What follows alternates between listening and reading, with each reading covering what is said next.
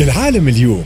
رامي عياش خليني معاك. توصلنا لل 6 56 دقيقة على موجات إذاعة إكسبريس إف إم. توا وقت جولتنا مع أبرز أخبار العالم مع زميلتي يسرى قعلول في العالم اليوم. مرحبا يسرى عسلامة فدوى عسلامة بكل اللي قاعدين يسمعوا فينا. المسلسل الأفغاني المسلسل الأفغاني خذيتها من فمي. فدوى كل يوم نحكيو على اللي صاير في أفغانستان ونحكيو على حركة طالبان.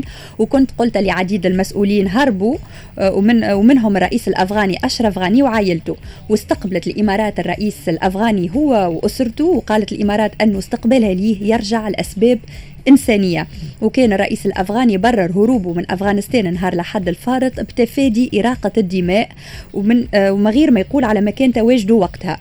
وكتب الرئيس الأفغاني أشرف غني على صفحته في الفيسبوك انتصر الطالبان بعدما احتكمت إلى السيف والبنادق وهي مسؤولة الآن عن شرف الحفاظ على بلادها. وقال إنه غادر بلاده لأنه عدد كبير من المواطنين كانوا باش آه، يتقتلوا والعاصمة باش تتدمر لو قعدت فيها.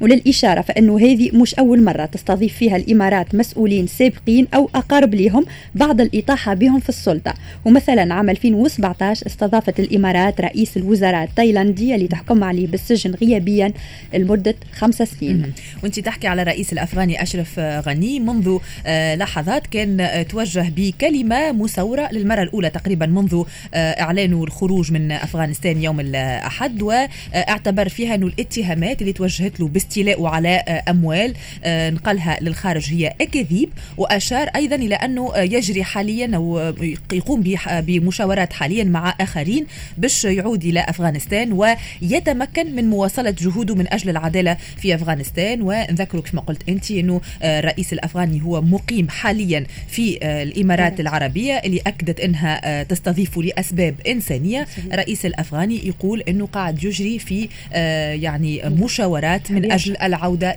إلى أفغانستان.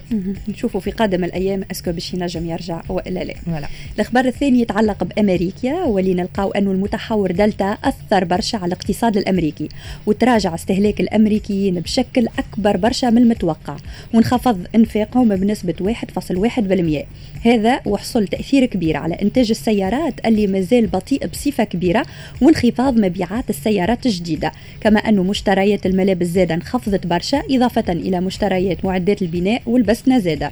في المقابل فإنه محطات الوقود تخدم بشكل جيد وهذا بفضل ارتفاع أسعار المحروقات.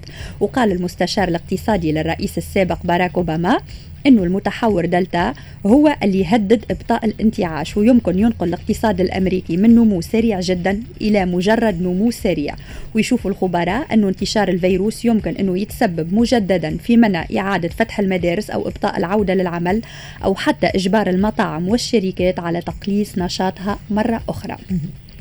هذا فيما يتعلق بأمريكا وأخيرا وآخر خبر يتعلق بهايتي حيث بعد أيام الزلزال المدمر اللي تسبب في موت 1941 شخص إلقى سكان الجزيرة رواحهم في الشوارع عاجزين على مواجهة الأحوال الجوية السيئة اللي تسبب فيها عاصفة استوائية. وما عندهم حتى خيار إلا إنهم يباتوا في الشوارع المهددة بالفيضانات. وعبر السكان على غضبهم من عدم قيام دولتهم اللي تعيش اضطراب سياسي بأي خطوة باش تعاونهم. هذا مع تأخر وصول المساعدات الدولية. آه، وتسبب الزلزال اللي بلغت قوته 7.2 درجات في تدمير عشرات آلاف المنازل في بضع ثواني نهار السبت الفارط هذا وتستمر عملية إزالة الأنقاض في المدينة لحد الآن. كما تم جرح قرابة 10000 شخص في الهزات الأرضية.